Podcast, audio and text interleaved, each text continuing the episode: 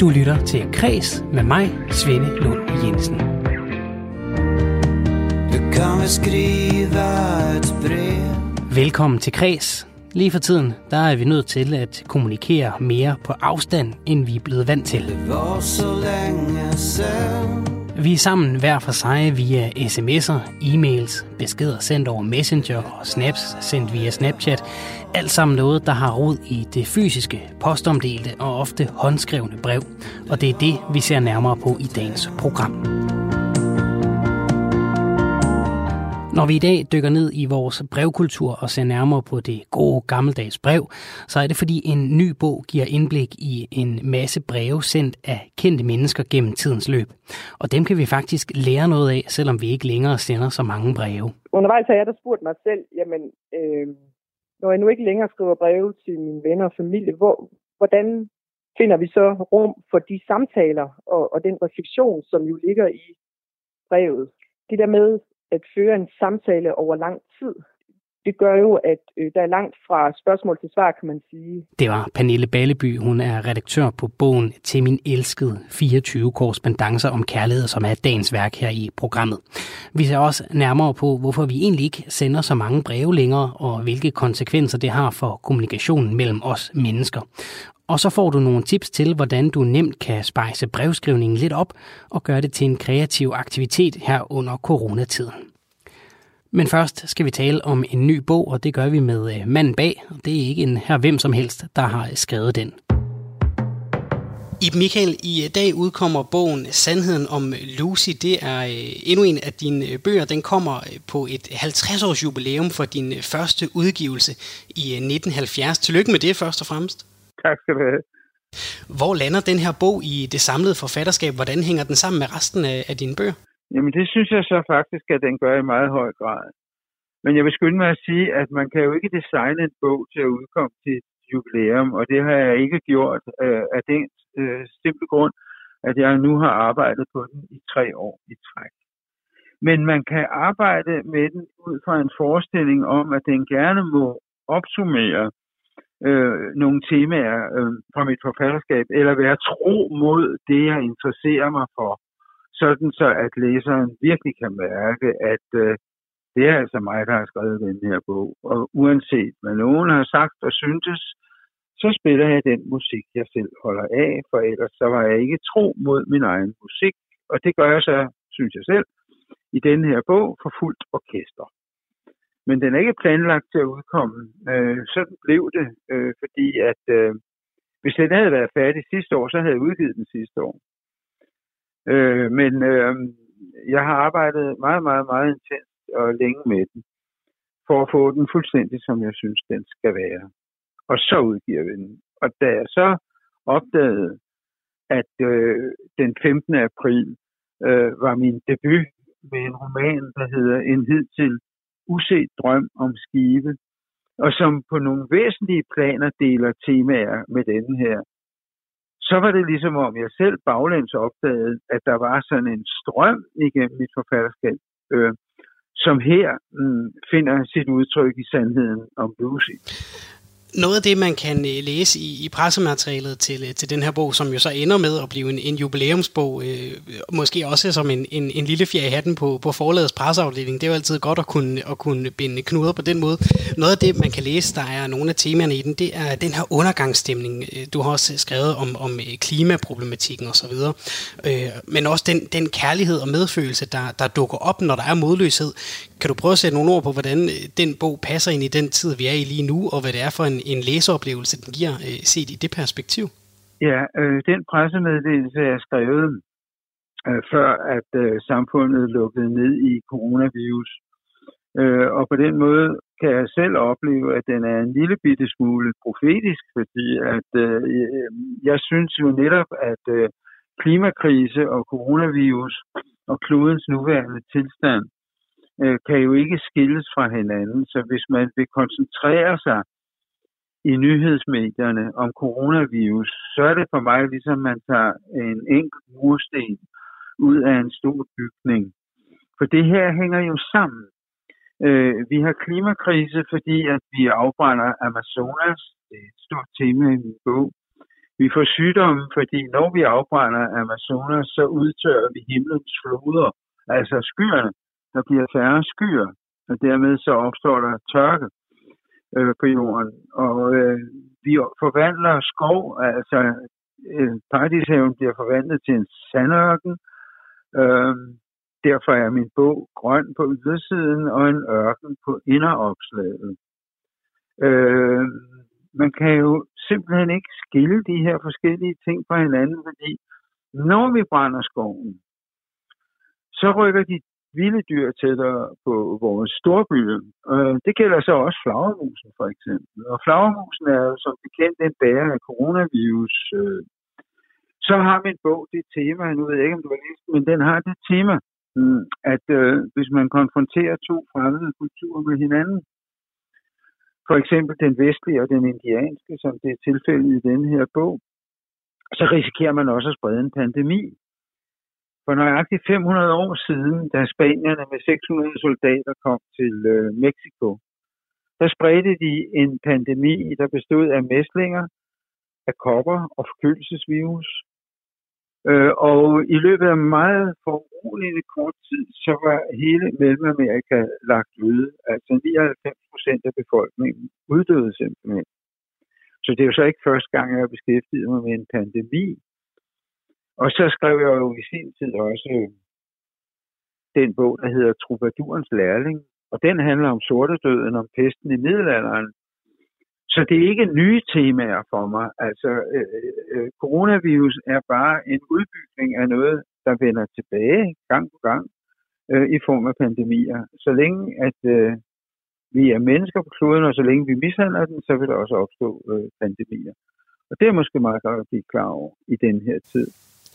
Nu nævner du selv, øh, at øh, når skovene forsvinder, så rykker dyrene tættere på, og man har blandt andet kunnet se billeder fra øh, Venedig, hvor delfinerne vender tilbage, og mange andre billeder fra rundt omkring på kloden, hvor bjørne og elge og andre firbenede væsener vender ind i, i byerne efterhånden, som vi mennesker har forladt dem. Og det er jo efterhånden altså, mange dystopiske billeder og massegrave i New York. Hvad tænker du som, som forfatter, når du ser sådan nogle, sådan nogle billeder, som man nok kun, kun nok kun kunne have forestillet sig i en af dine bøger eller en film. Jamen, det er fuldstændig rigtigt, og jeg har set de billeder før, da jeg skildrede pestens haven op igennem Italien, så virkede mange af scenerierne, som de scenerier, jeg pludselig kunne læse om i nyhederne, at byer lukker ned, at der bliver sat øh, militær ind, at øh, kirkegårdene var opfyldt af lige, skrev man under pestens tid. Ikke? Der var ikke plads til de døde, og det er jo fuldstændig på den måde en gentagelse af et sted, hvor jeg, hvor jeg har været. Øh, og øh, tiden øh, forsvinder, altså fordi hvad er egentlig forskellen på øh, sortedøden og øh, coronavirus? Ja, det er, at øh, den ene er en bakterie, og den anden er en virus. Men altså, effekterne på vores samfund øh, ligner i forfærdende grad øh, hinanden. Øh, så det er da med en vis form for, hvad skal vi sige, øh, altså at dystopier bliver virkelig, det er der jo egentlig ikke nogen af os, der er interesseret i. Vel? Det er altid øh, meget smart eller meget stærkt at skrive om, om dystopier. Øh, det virker stærkt som litteratur, men vi vil jo nødt have det ind i vores hverdag. Altså, det, det, sådan sidder jeg også og har det, at øh, jeg vil da egentlig nødt have det tættere på, end det er lige nu. Øh, og øh, der er noget med, at øh, når profetier går i opfyldelse, så, øh, så vil man ønske, at man ikke havde tænkt den tanke. Vi holder ikke øh, dig ansvarlig, Michael, bare rolig. Nu, øh, nu kommer den her bogudgivelse jo så øh, i, en, i en tid, som er lidt anderledes, og uden at vi skal, skal ringeagte øh, de større øh, linjer, hvor, hvor øh, coronavirusen øh, rammer hele verden, så betyder det jo også, at det at udgive en bog bliver en lidt anderledes oplevelse end, end normalt. Hvordan er det at udgive en bog i, i de her dage som forfatter? Det er en satsning. Helt enkelt. Det er en kæmpe stor satsning øh, fra vores side. Øh, kulturredaktionerne er lukket ned. Øh, mange journalister er sendt hjem øh, med lønkompensation. Mange må slet ikke arbejde, selvom de måske har lyst til det. Det er en kæmpe satsning at gøre det. Og når vi alligevel gør det, så er det fordi, jeg har en anden interesse også i det her. Jeg har nemlig en interesse øh, der består i at forvandle øh, forlaget til et øh, mediehus. I den forstand, at så må vi gøre det selv. Altså i stedet for at vente på at komme i fjernsynet, så livestreamer vi forfatterinterviews hver morgen på Gyldendal. Øh, og øh, i stedet for at øh, komme i aftenshowet og måske få lov til at tale to og et halvt minutter om din bog, og så skulle forholde sig til nogle temaer, du slet, slet ikke har noget forhold til resten af timen, så laver vi, kan vi lave en udsendelse, hvor vi selv præsenterer vores litteratur. Jeg håber, at øh, coronakrisen får forlagene til at tænke i de baner, fordi at jeg simpelthen, og helt ærligt, jeg synes, det var lidt absurd, at man skulle sælge bøgerne på stjerner og hjerter øh, ude i dagspressen, når man selv har en række eksperter, der har øh, skabt den her bog i alle detaljer, og så lægger man varen ud til allersidst og venter på nogle stjerner og hjerter.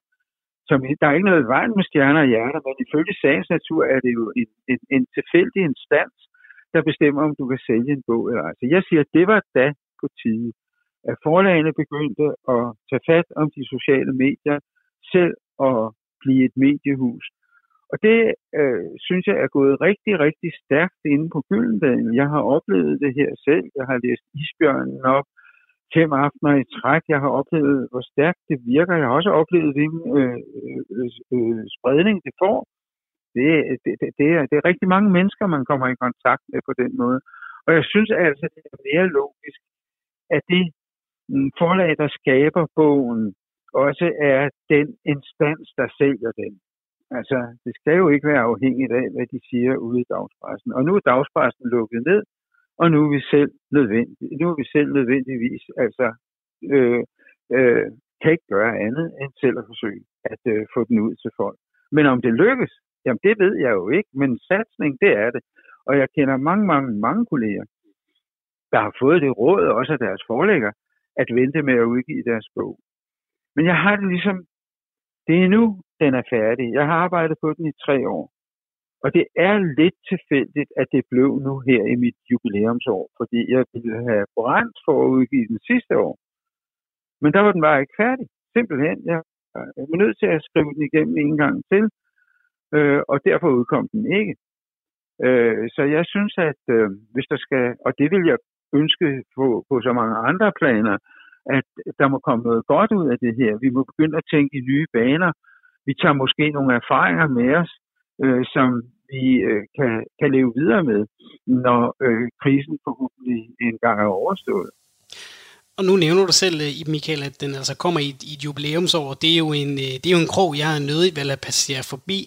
Er der noget ved din skriveproces, der, eh, der har ændret sig siden du begyndte, eller er der noget, der har forblevet det samme i virkeligheden, der måske er det mere interessante spørgsmål? Ja, altså begge dele er jo sandt. Der er jo noget, der er blevet øh, det samme, og det kan jeg jo faktisk uddrage af titlen på min aller, aller første roman, En hidtil uset drøm. Dette begreb, en hidtil uset drøm, er jo egentlig forblevet det samme for mig. Jeg vil gerne andre steder hen, jeg vil gerne i kontakt med andre kulturer, jeg vil gerne se det usete, så du sagde. Ikke? Altså, så den der, den der forestilling om en hidtil uset drøm om at komme et andet sted hen, end man har været før, det kan være på rejser, men det kan jo også være i fantasien. Det er jo det, jeg tilstræber. Og, og, og, og det er også det, jeg tilstræber øh, helt konkret med den her roman, som både er i Brasilien og som er øh, øh, i et øh, i et tænkt utopia. Altså er kommet et andet sted hen.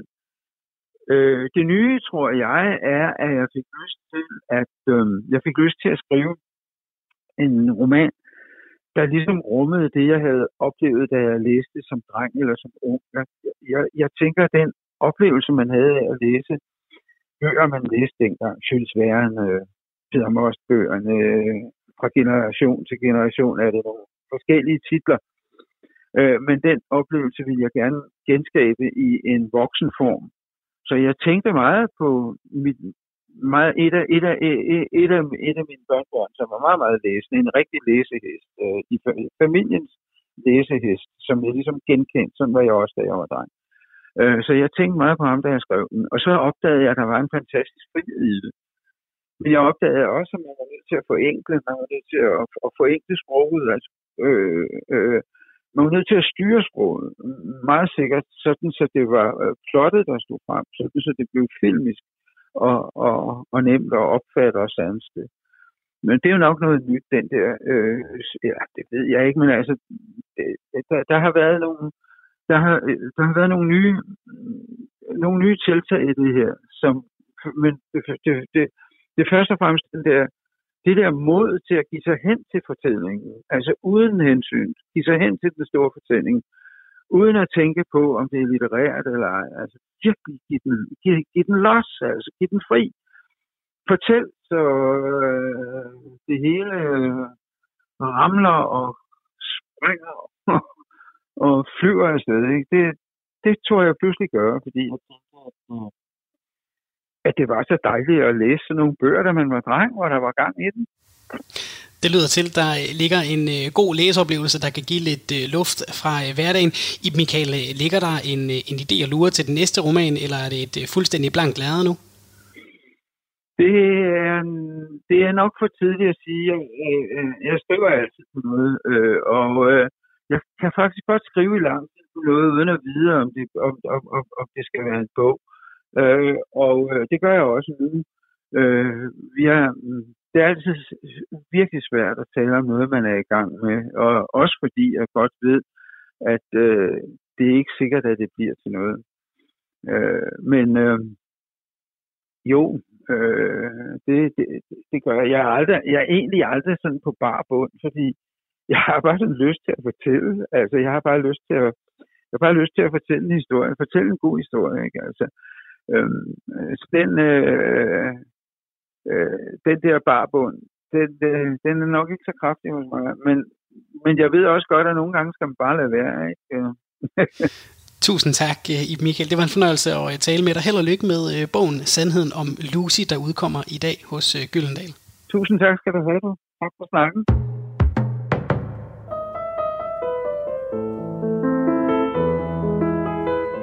Min engel, mit alt, mit jeg, sådan begynder Beethoven et af de kærlighedsbreve, han skrev to år efter, han komponerede sit mest kendte stykke Fyr Elise.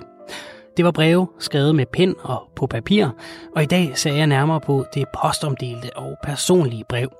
Beethovens kærlighedsbrev er nemlig nogle af dem, der er blevet udgivet i bogen Til min elskede, 24 korrespondencer om kærlighed.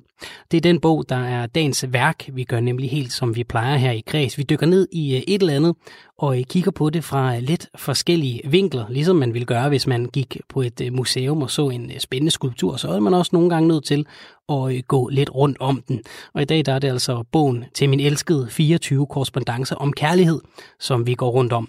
Og det er spændende det med breve, fordi vi rent historisk sender meget få breve til hinanden i dag, samtidig med, at vi lige nu kommunikerer mere end nogensinde før med hinanden via alle de moderne måder, vi har at kommunikere på. I bogen finder du mange flere breve end blot Beethovens. Der er personlige breve skrevet af alle fra Martin Luther til skansmalerne Michael og Anna Anker over Astrid Lindgren, Tove Ditlevsen og Benny Andersen. Og så er der Mozart, som har en lidt anden stil end øh, Beethoven. Han lover i hvert fald sin kone en ordentlig omgang på hendes dejlige, kyssegode lille røv i et af sine breve. Og på en eller anden måde, så er det meget rart at vide, at øh, manden bag nogle af de mest finkulturelle værker i verdenshistorien også kan lyde som en øh, annonce bag os i Ekstrabladet. I dag sender vi i gennemsnit hver fire breve om året. Sådan samlet set for hele befolkningen betyder det, at vi sender mere end en milliard færre breve, end vi gjorde for 20 år siden. Men selvom det postomdelte brev efterhånden har været fraværende i flere årtier, så kan det ske at få en renaissance inden længe. Brevskrivningen taler i hvert fald ind i nogle af tidens tendenser, siger øh, Pernille Folman Balleby, der er forlagschef på Kristelig Dagblad Forlag og redaktør på bogen til min elskede 24 korrespondencer om kærlighed. Øh, alt det mellemmenneskelige, tror jeg, er kraftigt på vej tilbage, og, og ikke kun ansporet af corona øh, og, og den situation, vi finder os i nu, men gennem længere tid øh, har man kunnet spore sådan en fornyet interesse for gamle dyder som håndens arbejde, fællessang, øh, de lange venskaber. Og der kan man sige, at, at brevskrivningen også har meget at øh, byde ind med i den forbindelse. Øh, mange leder efter små åndehuller i en øh, stresset hverdag. Øh, og, og det er også at, i mange tilfælde lever vi jo på, på afstand, geografisk afstand af vores familie og venner, så her kunne brevet måske igen få en, en rolle. Hvordan har I udvalgt lige præcis øh, de her breve, som nu er med i bogen? Stille og roligt, så er det sådan et puslespil, der bliver lagt. Altså, vi har søgt nogle koordinater i en tidsafgrænsning, og øh, i forhold til bogen til min elskede handler den om, at, øh, at vi fandt det her vidunderlige frierbrev, øh, som er rent fysisk befinder sig på et museum i Oslo, og det er øh, fra slutningen af middelalderen, hvor en, øh, en norsk mand øh, øh, skriver et frierbrev ristet med runer på en øh, trækæp. Og i den anden ende øh, øh, øh af, af tidsskalaen øh, fik vi adgang til en e-mail-korrespondence mellem Benny Andersen og hans øh, kone, øh, Elisabeth Emer. Og øh, den fik vi lov til at bringe.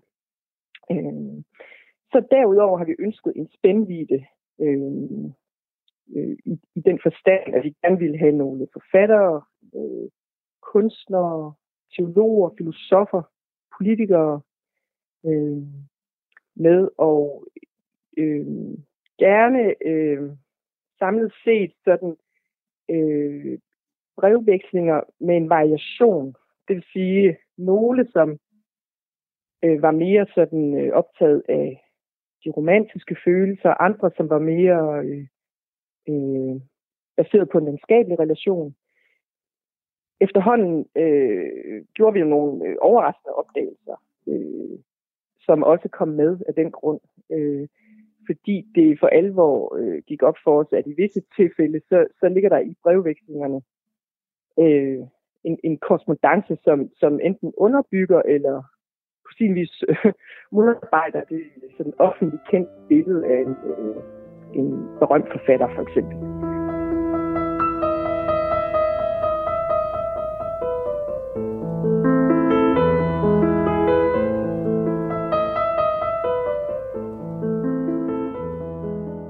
Det sidste brev er, som du også siger, en, en e-mail. Øhm, men man kan sige, at vi har jo fået rigtig mange nye måder at kommunikere på siden, for eksempel sms'er, øh, Snapchat-beskeder, alle mulige nye elektroniske øh, måder at fange hinanden på. Hvorfor stoppede I ved, ved e-mailen? Det er selvfølgelig et godt spørgsmål. Øhm, nu kan man sige, at øh, e-mail-korrespondancen i det her tilfælde var den øh, på vej til at blive overleveret til, øh, til arkivet, altså det kongelige biblioteks øh, brevsamling. Øh, så derfor er der jo øh, behov for en vis sådan, øh, tidsforskydning øh, for at kunne få øh, altså, øh, adgang til et materiale, skal det være øh, tilgængeligt, og, og det vil det jo typisk blive, når det ligger på et bibliotek eller i et arkiv.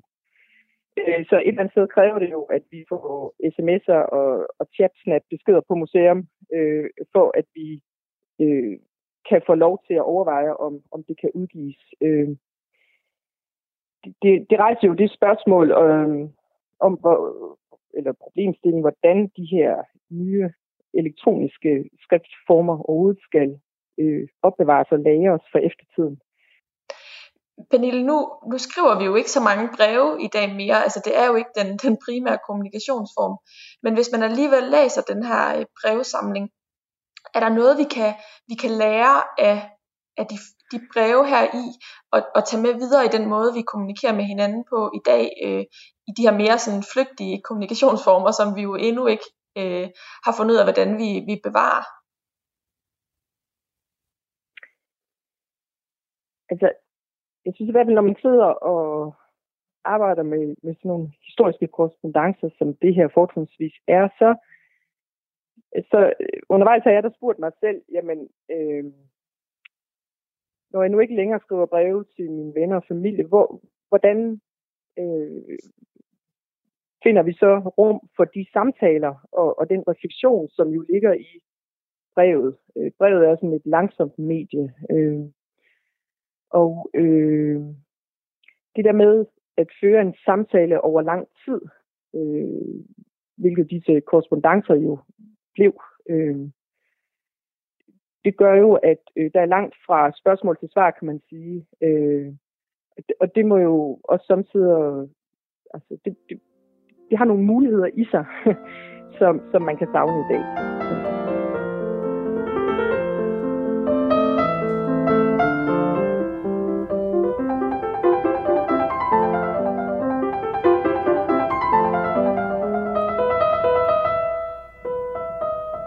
Og Pernille, øh, du har øh, fundet to, du har udvalgt to breve, som du øh, bedst selv kan lide i, i samlingen. Ja, det har jeg. Øh, og noget af det, som øh, jeg, jeg øh, under arbejdet med øh, øh, bogen til min elskede øh, blev meget opmærksom på, det var jo på den ene side, kan man sige, som moderne læser, kan man uden videre spejle sig stort set i alle breve. Fordi det, det er jo breve, der, der handler om øh, altså, genkendelige almindelige menneskelige følelser. Øh, jalousi, øh, længsel, øh, osv. osv. Øh, men samtidig er det også meget tydeligt, når man sådan ser dem i forlængelse af hinanden op gennem århundredet, at, at øh, vi er jo også utrolig præget af de historiske betingelser, vi lever under. Øh, øh, meget præget af vores øh, sociale, økonomiske situation i det hele taget, og øh, det, det giver virkelig nogle, øh, synes jeg, øh, sådan meget øh, tankevækkende øh, forskel breven imellem. For eksempel øh, brevvekslingen mellem øh, Mette Gade og hendes mand, den franske maler Paul Gauguin, er øh, på mange måder hårdrejsende læsning. Fordi man fornemmer at have to mennesker, som dybt set virkelig har elsket hinanden meget dybt. Men, men den der konstante mangel på penge øh, og jagt på nye kreditorer, den, den, den æder den æder mennesker og, og kærlighed op. Øh, noget af det, der også har talt meget til mig, det er den brevveksling, øh, som øh, Winston og Clementine Churchill øh, havde med hinanden. Øh, under krigen, da han nu ligesom øh, stod i forreste række for at øh, redde Storbritannien igennem. Øh, og, og, og vi eftertiden kender ham jo som den der meget, meget øh, både lærte og utrolig retorisk veloplagt øh, øh, taler. Øh, handlekraftig var han, men, men øh, hans kone øh, spillede synladende en meget væsentlig rolle for ham også øh, i hans politiske virke. Og det er en af grunden til, at jeg har valgt øh, et brev fra hende til ham. Fordi jeg synes, det viser, at øh, her var sandelig en kvinde, som kendte sit, øh, sit eget værd. Øh, og det vil jeg gerne læse. Det er skrevet øh, den 27. juni 1940 i Downing Street nummer 10. Og det er fra Clementine til Winston Churchill. Min skat, jeg håber, du vil tilgive mig, at jeg fortæller dig noget, som jeg synes, du skal vide besked med. En af mændene i din inderkreds, en hengiven ven, har besøgt og fortalt mig, at der er en risiko for, at du helt generelt kommer til at vække modvilje blandt dine kolleger og underordnede, på grund af din barske, sarkastiske og hovne fasong. Det virker som om dine privatsekretærer har affundet sig med at opføre sig som skoleelever og tåle mosten for så at flygte fra dig og trække på skuldrene. Længere op i systemet hedder det sig, at hvis der fremsættes et forslag, for eksempel på en konference, kan du optræde så håndligt, at der for tiden ikke kommer nogen idéer frem, hverken gode eller dårlige. Jeg blev forbavset og bekymret over at høre det, for i alle disse år har jeg vendet mig til, at alle, der har arbejdet sammen med eller under dig, holder meget af dig. Hvilket jeg sagde og fik at vide, at det uden tvivl skyldes stress min kære Winston. Jeg må tilstå, at jeg har lagt mærke til, at din væremåde har ændret sig til det værre. Du er ikke så venlig, som du har været.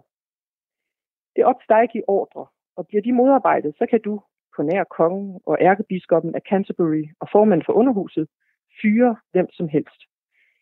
Derfor bliver du nødt til at kombinere denne frygtelige magt med høflighed, venlighed og muligt stoisk ro. Jeg kan ikke affinde mig med, at de, som tjener landet og dig selv, ikke kan holde af dig, beundre og respektere dig. Desuden opnår du ikke de bedste resultater ved hjælp af opfarenhed og grovhed. Det vil enten medføre modvilje eller en slavementalitet. I krigstid kan et oprør jo ikke komme på tale. Tilgiv din kærligt hengivende og i agtagende klemme. Og nedenunder kærlig hilsen fra klemme står der så, jeg skrev dette i lørdags Checker rev det i stykker, men her er det altså. Øh, så der følger en pudsig lille øh, tilblivelseshistorie omkring brevet med.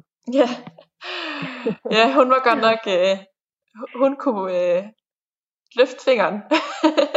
ja, det må man sige, og øh, det giver bare et øh, sådan overraskende godt indblik i sådan en balance, der kan være i, i sådan et øh, ægteskab, hvor det er udad til, at den ene part, der ligesom øh, har den øh, offentlige øh, synlighed og status, men øh, alligevel beror det på, på sådan en indre magtbalance, som, som øh, måske tager sig lidt anderledes ud, end, end man lige skulle tro.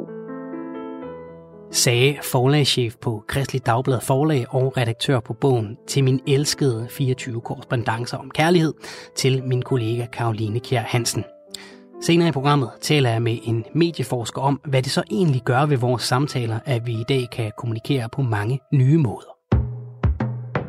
Der er desværre en øh, kedelig tendens i de her tider til, at øh, kulturnyheder, det er nogle deprimerende nogle af slagsen. Det er øh, festivaler, der bliver aflyst. Det er museer, der øh, kigger på en øh, pengekasse, der øh, nærmer sig at være tom om øh, få måneder, hvis ikke der øh, sker noget, fordi det er jo nu, alle de besøgende skulle komme. Og så er der nogle enkelte lysglimt. Der er øh, folk, der beholder deres billetter til øh, festivaler i stedet for at få pengene tilbage. Og så er der altså nogen, som øh, finder en anden måde at støtte de kulturinstitutioner, som lige præcis de øh, er glade for, og som har en særlig plads i hjertet hos dem. De finder altså en måde at øh, støtte på, selvom man ikke rent fysisk kan møde op. Vinnie Bang Dyr, velkommen til programmet. Tak skal du have. Du øh, studerer til finansøkonom i øh, Silkeborg, så har du øh, taget initiativ til en indsamling til at støtte den gamle by i øh, Aarhus. Hvordan går det med, med indsamlingen lige nu? Det går rigtig godt. Vi er oppe på 964.401 kroner. Nø. Så det går rigtig godt. Og så øh, Sallingfonden i går, og øh, Aarhus Kommune de gik ind og lavede. Så øh, der kom 75 millioner ind til alle kulturarve i Aarhus. Så det er jo godt. Hvordan har du det med det? Jeg har det rigtig godt med det. Øhm, det er jo dejligt, at de har hørt efter, hvor vigtigt det er med vores kultur i Danmark. Så der også er noget efter den her krise. Da jeg øh, tjekkede op på, på, hvor langt den her indsamling var kommet for en uges tid siden, der var den omkring 50.000. Så har der også været, været påske og, og så videre. Er det mange forskellige mennesker, der har smidt lidt i øh, kasketten, eller er der nogen, der har, der har smidt øh, en ordentlig sten i vandet? Altså, der er jo kommet en anonym donation øh, på 250.000, men der kommer jo stadigvæk små beløb ind fra, fra rigtig mange forskellige mennesker. Vini, hvad fik dig til at, øh, at, at starte den her indsamling til lige præcis den gamle by? Jamen, altså, jeg synes jo, at den danske kultur er rigtig vigtig for vores land, så der også er noget til vores efterfølgere, så de kan se, hvordan kulturen har været i Danmark og vores historie fra helt tilbage til 1800-tallet, hvor den gamle by den starter op. Jo. Så det synes jeg er rigtig vigtigt. Og så er det jo bare et dejligt sted at komme, hvor der er masser af sjæl og historie, og det er rigtig skønt. Hvor tit kommer du i øh, den gamle by, når der er åbent? Jamen, altså, jeg har jo været derude et par gange om måneden, hvis jeg har haft mulighed for det. Øhm, men ellers så kommer jeg sådan hver hver tredje måned, når jeg, når jeg ikke lige har travlt med skole og børn og det hele. Hvad var det, der, hvad var det, der kom op i dig, da, da alt det her begyndte, og, og alle vores kulturinstitutioner begyndte at lukke ned? Hvad var det, der fik dig til at sige, nej, jeg er nødt til at gøre noget? Jamen, altså, jeg synes det var forfærdeligt. Jeg læste den kronik, som øh, Moskov Museum og den gamle by, de har skrevet sammen, at øh, de var ved at de ville gå konkurs, hvis det var, der ikke blev gjort noget. Og så tænkte jeg, det skal ikke ske. Så jeg lavede simpelthen en indsamling, og jeg havde ikke troet, at det ville komme altså komme med så meget kraft. Altså, jeg troede ikke på, at de ville donere så meget, som de har gjort. Men det er jo dejligt at se, at det betyder rigtig meget for mange mennesker. Udover øh, de her øh, donationer, øh, rent pengemæssigt, har du så fået, fået nogle beskeder fra, fra folk, der har doneret eller, eller synes godt om, om det, du har gang i her?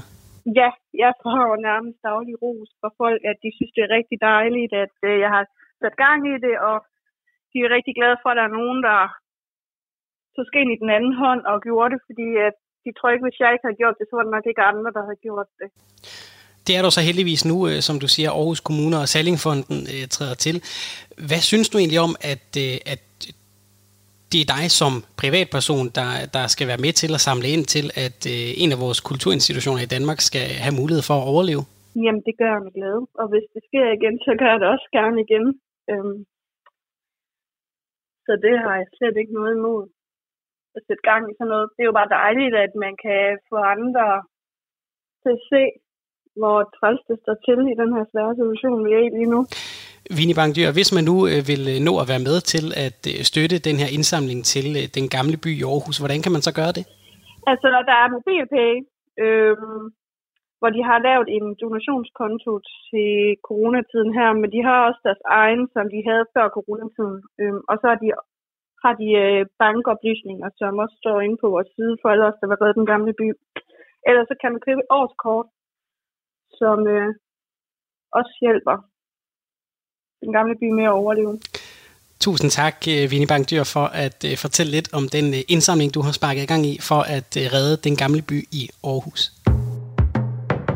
Som vi hørte øh, Vinnie Bang Dyr fortælle øh, tidligere, da vi talte om øh, den gamle by, så er Aarhus Kommune og Sallingfonden gået sammen om at lave en støtteordning på 75 millioner kroner til at sikre et rigt og mangfoldigt kulturliv efter coronakrisen i Aarhus. Det skriver de i en pressemeddelelse i går. Kultur er en vigtig del af Aarhus. De mange kulturinstitutioner begejstrer og glæder hver eneste dag byens borgere og gæster. Kulturen og kunsten bringer os sammen som mennesker, og den beriger vores hverdag. Det vil vi fra Sallingfondene gerne være med til at sikre, at den også gør, når coronakrisen er overstået. Det siger formand i købmand Herman Sallingsfond Jens Bjerg Sørensen. Og øh, Aarhus Kommune og øh, rådmand for kultur og borgerservice Rabbi Asad Ahmad er også godt tilfreds. Det er en øh, fantastisk og afgørende nyhed for kulturlivet i Aarhus, og jeg er personligt stolt af, at vi sammen kan levere denne aftale, siger han. Det var øh, Aarhus Stiftstidende, der havde skrevet om den her aftale. En anden nyhed, vi kan øh, runde her, som under normale omstændigheder nok ikke ville finde vej ind i et øh, kulturprogram, men i dagens anledning, hvor vi taler om breve, så alligevel gør det, det er historien om, at øh, US Postal Service, altså det amerikanske postvæsen, de øh, også har øh, pilen nedad for deres fremtidsudsigter, hvis ikke de får noget hjælp fra staten derovre. Og det har præsident Donald Trump indtil videre ikke tænkt sig at gøre. Han er faktisk ude i at øh, sige, at han vil nedlægge veto, eller i hvert fald tror med det, hvis øh, der overhovedet er noget hjælp til til øh, USPS i øh, nogle af de hjælpepakker, som bliver øh, vedtaget. Og det er et ret usædvanligt træk at bruge som, som præsident derovre. Der har i lang tid været ønske om fra republikanerne i øh, USA, at øh, USPS skal gøres mere rentabel, altså det skal drives på markedsvilkår. Det er altså en af de få sådan, public service institutioner, de har i USA. Det er et firma, USPS, der har øh, mere end 600.000 ansatte, som altså kan være på vej til at skulle dreje nøglen om. De har penge til at køre ind til udgangen af september, hvis ikke de får noget hjælp. Og de er altså med til, at man stadig kan sende ting rundt i landet til forholdsvis billige penge, og så står de tit for at levere ting den sidste strækning, altså hvis man bestiller noget på Amazon, så er det tit USPS, der lige leverer det, det sidste stykke ud, hvis man bor øh, et øh, sted ude på landet. Men det vil, øh, det vil Donald Trump altså ikke være med til at bevares. Så medmindre der kommer en hjælpende hånd til USPS, så kan det altså være et alvorligt skud for borgen af brevet Over There også. Nu vender jeg tilbage til dagens værk, som er bogen til min elskede 24 korrespondancer om kærlighed. Den består af breve fra kendte mennesker gennem tiden, men måske hører du ikke så ofte lyden af postbudets fodtrin og brevsprækkens knirkende åbning og derefter det lette dump, når øh, brevet rammer jorden, men derimod denne lyd. Eller denne lyd. Eller måske er det den her, der er mere velkendt for lige præcis dig. Sandsynligheden er i hvert fald stor. Forkert barn har mange lyde, kan man sige, i det her tilfælde. 94 procent af danske internetbrugere fra 16 til 89 år har nemlig sendt en e-mail. Og det gør e-mailen til den mest udbredte kommunikationsform i dag. Og når netop den står stærkest af alle digitale tilbud, så skyldes det ligheder med det fysiske brev, siger Annette Grønning, lektor ved Syddansk Universitet og forfatter til bogen Digitale Samtaler. Jamen dels så tror jeg, at det er fordi, den har overtaget øh, rigtig mange af, af brevets opgaver for os. Altså den, den, den er øh, øh, god at bruge, når man skal altså, man kan skrive kort, man kan skrive langt, man kan vedhæfte billeder, man kan vedhæfte dokumenter. Øhm, de fleste har en e-mailadresse i dag, så det er jo meget, meget udbredt. Selvom det at sende breve i 1600-tallet var det nye hotte, og man sågar taler om en brevmani i 1800-tallet, hvor man kunne få bragt breve rundt i København flere gange om dagen, så er det langt fra hot i dag. Der er sket et fald på intet mindre end 80 procent af brevsendinger siden 2000, og det skyldes ikke kun, at danskerne er blevet dogne eller trætte af PostNord, understreger Annette Grønning. Der er en anden ting, vi skal huske, det er jo i vores lov om digital post her i, øh, i Danmark i 2012, hvor, det, hvor vi på en måde jo bliver tvangsdigitaliseret, kan man sige, som samfund, og danskerne tager utrolig godt imod det. Vi er et forgangsland, når det kommer til lysten og paratheden til at tage ny teknologi i anvendelse. Og det skubber jo også rigtig meget. Så det er altså ikke kun fordi postvæsenet øh, øh, har skruet op på prisen, for eksempel med, med jævne mellemrum. Der, der er også en, et digitaliseringsspor, som jo har kørt siden 2012 med, med fuld fart. Og eftersom vi ikke længere sender så mange breve, er der også kommunikationselementer, som går tabt. Ja, altså det har jo for eksempel den konsekvens, at der ikke er så meget fysisk materiale at, gemme i dag. Altså vi har ikke så meget at lægge i skotøjsæskerne eller på loftet øh, af fysiske breve. Øh, og der er jo også sådan i den papirborne post ligesom en langsomlighed, som heller ikke er til stede nødvendigvis i, øh, i den digitale post. Og så synes jeg også, der er noget omkring øh, det her med det fysiske. Altså et, et, et papirbrev dufter jo også for eksempel, og sætter sig nogle spor, sætter nogle spor, viser os, hvad for et stykke papir du har, du har valgt lige præcis til mig. Hvad, er for en pen har du brugt? Øh, hvordan er din håndskrift? Har du skrevet det på, med, har du tastet det på computer og printet det ud på papiret osv.? Men til gengæld medbringer de nye kommunikationsformer også nye muligheder, særligt for kommunikation på tværs af generationer. Jamen altså, for eksempel vinder brevet jo stadigvæk en lille smule, hvis man får en meget, meget flot øh, invitation til et bryllup i et fysisk brev, jamen så er det jo noget helt særligt, eller hvis nogen har, har skrevet et brev til en, så bliver man særlig glad, fordi det er blevet så sjældent, så brevet lever jo stadigvæk, men, men man kan sige, den, øh, den, de andre ting, vi vinder med den digitale kommunikation, er øh, på den anden side en, en lethed øh, i, på den måde, at, at man øh, nemmere kan overkomme og holde kontakt Øh, det er lettere at sende en sms med et, et øh, fodboldresultat til ens øh, bedsteforældre. Øh, det er nemmere lige at, at sende et billede af, af sit faste lavnskostyme På tværs af generationer, så det er blevet lidt mere øh, ja, almindeligt, at man kommunikerer hurtigere og kortere. Så der er, en, en, der er nogle, nogle ting her, som, som er plusser og minus ved, ved brev og, og digital post. Sådan sagde Annette Grønning, lektor ved Syddansk Universitet og forfatter til digitale samtaler. Ifølge organisationen Post a Letter, så står det ikke helt galt til med brevskrivning blandt danskerne. Under normale og ikke coronaprægede tider, så oplever de hver måned enorm opbakning til deres øh, brevskrivningsaftener. Og senere i programmet, der kommer de med tips og tricks til, hvordan du nemt kan gøre brevskrivning til en helt øh, kreativ session.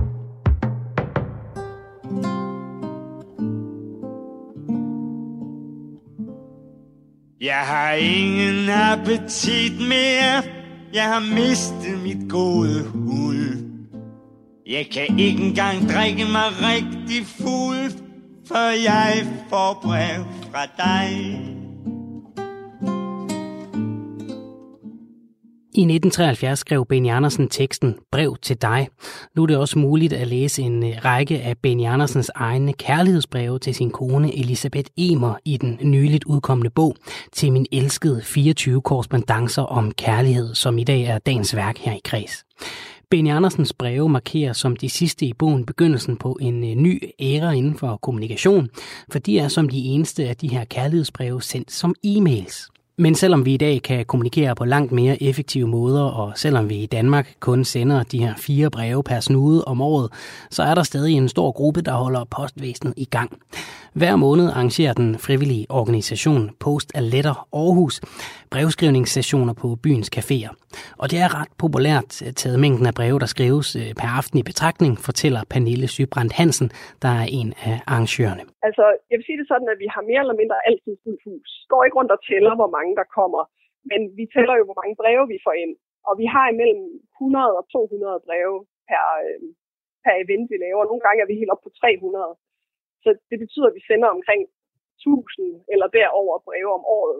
Så vi har i hvert fald indtryk af, at det er rigtig populært. Og vi synes egentlig også, at det er en god størrelse. Det skal heller ikke være sådan, at der sidder måske, det er ikke meningen med vores events, at der skal sidde 1000 mennesker på én gang og skrive breve sammen, men mere, at der er en nærhed, hvor der er plads til, til alle dem, der kan være. Øh, så vi også kan nå, fordi vi er et lille projekt, så vi skal også kunne nå rundt og hjælpe folk og nå at give frimærker til alle. Men for os føler vi i hvert fald, at det er lige så mange, som vi kan rumme, så det er ret populært. Posterletter og de månedlige brevskrivningsaftener begyndte egentlig med henblik på at skabe en øh, regelmæssig pause fra den travle hverdag. Og ifølge Pernille Sybrand Hansen har det stor betydning for motivationen, at det er noget, man mødes om. Netop også fordi det ikke er en, en kommunikation, som er en del af folks hverdag, eller den her aktivitet at sætte sig ned og skrive et brev. Jeg tror ofte, man ikke tænker, at det er noget, man har tid til. Øhm, at så det, at man ved, her er det her rum, hvor at jeg går ind, og så kan jeg skrive mit brev. Øh, det motiverer også folk til sådan at, at mødes omkring det. Øh, fordi at det er, er ligesom, her er det rum, hvor man kan gøre det i. Øh, og jeg tror også, vi har opdaget, at der er sådan lidt en dobbelt øh, social dimension i det. Fordi der både er nogen, som samles om at sidde og snakke om, hvem skal vi skrive brev til den her gang, og de mødes hver gang sammen. Der er rigtig mange, der kommer igen og igen. Øhm, også nogen, der kommer i store grupper. Jeg har oplevet en gang, at der var nogen, der kom op og spurgte, sådan, om de måtte øh, gå over på en anden café, og så komme tilbage, fordi der, de var en stor gruppe, og der var ikke plads til dem. Øhm, fordi de ville så gerne være med, men der var ikke plads. At sådan, det bliver noget socialt, at man både snakker sammen om det her med at skrive brevene til dem, man ikke er sammen med, men så også, at man kan ja, snakke om, hvordan, hvordan den oplevelse er. Og selvom bogen til min elskede 24 korrespondencer om kærlighed, som er øh, det værk, vi i dag dykker ned i, primært består af romantiske kærlighedsbreve, så er der ingen restriktioner for emner hos Post Letter. Hvis man dukker op til en af deres øh, brevskrivningsaftener, så er der ingen regler for, hvilken type breve man må eller skal skrive. Jeg oplever meget, at folk bruger det til mange forskellige ting.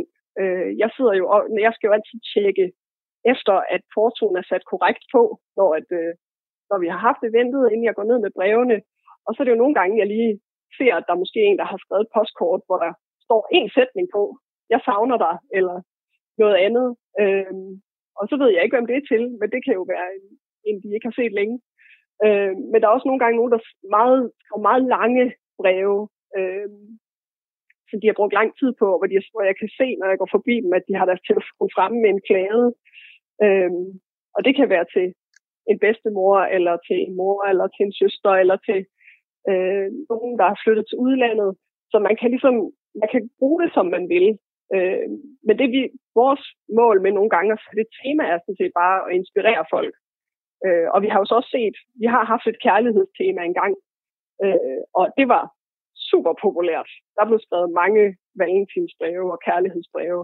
Så jeg tror sådan set, alle de breve, der bliver sendt til vores event, er en form for kærlighedsbreve, men hvem man sender dem til, kan man så selv bestemme, og hvilket format man vælger. Posteletter findes også i København, og har du fået lyst til at øh, dykke ned i øh, brevskrivningen, men ikke kan vente til øh, vi må ses til arrangementer igen, så har Pernille Sybrand Hansen her tre tips til, hvordan du nemt kan kaste dig ud i brevskrivningens kunst derhjemme allerede nu. Jamen, øh, noget af det, som er rigtig populært til vores event, som man også kan gøre derhjemme, det er, at man kan folde sin egen kuvert ud af det, man har liggende, hvis man har nogle øh, gamle magasiner, eller en gammel plakat, eller noget andet sjovt papir, som man synes er flot, eller der er et flot mønster på, eller bare noget sjovt på, at øh, så er det ret simpelt. Man skal sådan set bare øh, klippe en firkant ud, som cirka den firkant, man kunne få ud af et stykke af fire papir.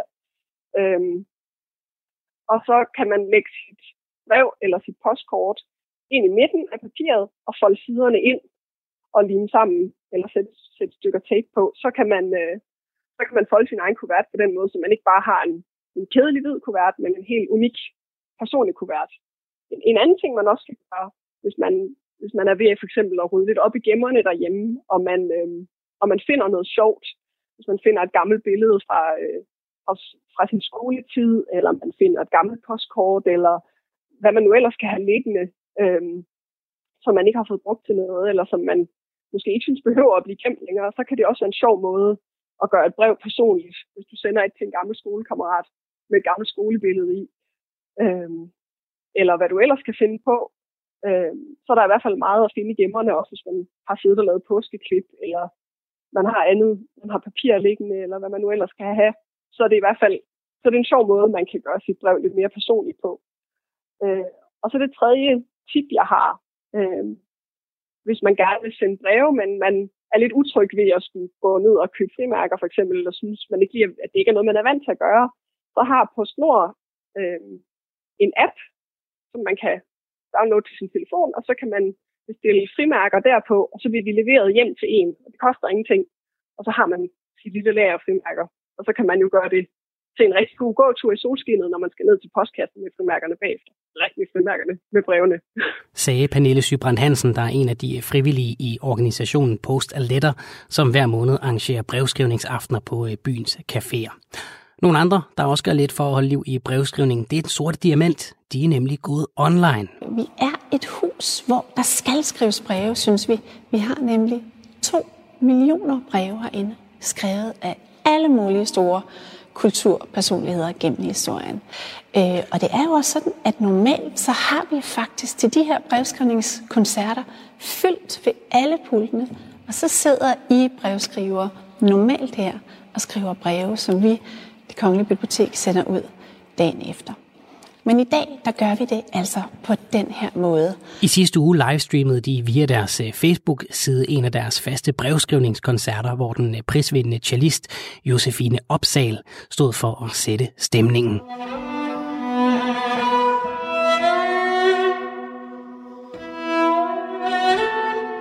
Så hold øje med øh, Den Sorte Diamants Facebook-side for kommende begivenheder, eller gå derind og find denne brevskrivningskoncert, som stadig er tilgængelig derinde. Her på kanalen er vi faktisk også ret begejstrede for breve. I hvert fald øh, en af os er særlig begejstret for dem. Det er Barbara Gjerlof Nyholm, som øh, hver uge i sit program Barbaras Breve inviterer en gæst ind til at øh, skrive et brev. Det er altså ikke så let, som folk tror, det der med at trække vejret langsomt, når man har travlt og vælter alt på sin vej. Og lige nu, der er jeg faktisk også lidt nervøs, fordi at min gæst er lidt nervøs. Og øh, det kan jeg se på hende på en måde. Hun sidder over for mig lige nu med korslagte arme. Og øhm, det er jo fordi, at vi skal skrive et brev her til aften, som er et brev, der ikke er helt nemt at skrive. Det handler om at føle sig fremmedgjort. I slutningen af sidste år havde hun inviteret Hy Sækker Markusen i studiet. Hun er adopteret fra Korea og skriver i programmet et meget rørende brev til sin øh, etårige datter, der også hedder Barbara. Der er det første menneske, som øh, Hy selv har mødt, som hun er biologisk i familie med. Og det fortjener et øh, lyt, hvis ikke et øh, genlyt. Kære Barbara, for 15 måneder siden mødtes vi. Du er det første menneske i mit liv, som jeg deler gener med. I dig kan jeg se mig selv. Jeg kan se alt det, jeg selv har været engang. Alt det, jeg ønsker at være. Måske for første gang kan jeg se klart. Det var mit livs lykke, da du kom, og det blev samtidig i begyndelsen til mit livs krise. For alt det, der havde ligget under overfladen og ulmet, kom væltende frem. Det var ikke din skyld. Det må du aldrig tro. Den krise, der ramte mig, var på sin vis en gave. En meget brutal gave, men også den eneste vej til min heling. Da du kun var få timer gammel, blev jeg ramt af en panik over ikke at vide, hvordan jeg skulle være din mor. Den moderlige mavefornemmelse udeblev, og i stedet opstod en overvældende angst for at svigte dig. Jeg var rædselslagen for, at du skulle føle dig forladt. Det er jeg stadig. Men jeg er her altid. I dit nærvær lyser alting op. Jeg nyder, at vi altid er sammen. Jeg nyder, at du kommer over og giver mit ben et kram mange gange om dagen. At du altid smiler over hele hovedet, når du ser mig, selvom du ser mig hele tiden. Intet har nogensinde givet mere mening end dig. De kærligste hilsner din mor. Det er simpelthen så fint et brev.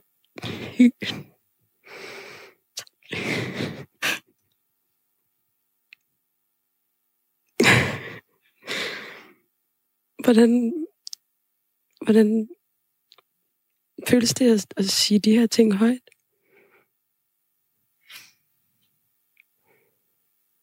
Det kan jeg slet ikke beskrive. Hele historien bag Hy Markusens brev kan du finde som podcast, der hvor du finder den slags, eller på vores hjemmeside, hvis du søger på Barbaras breve.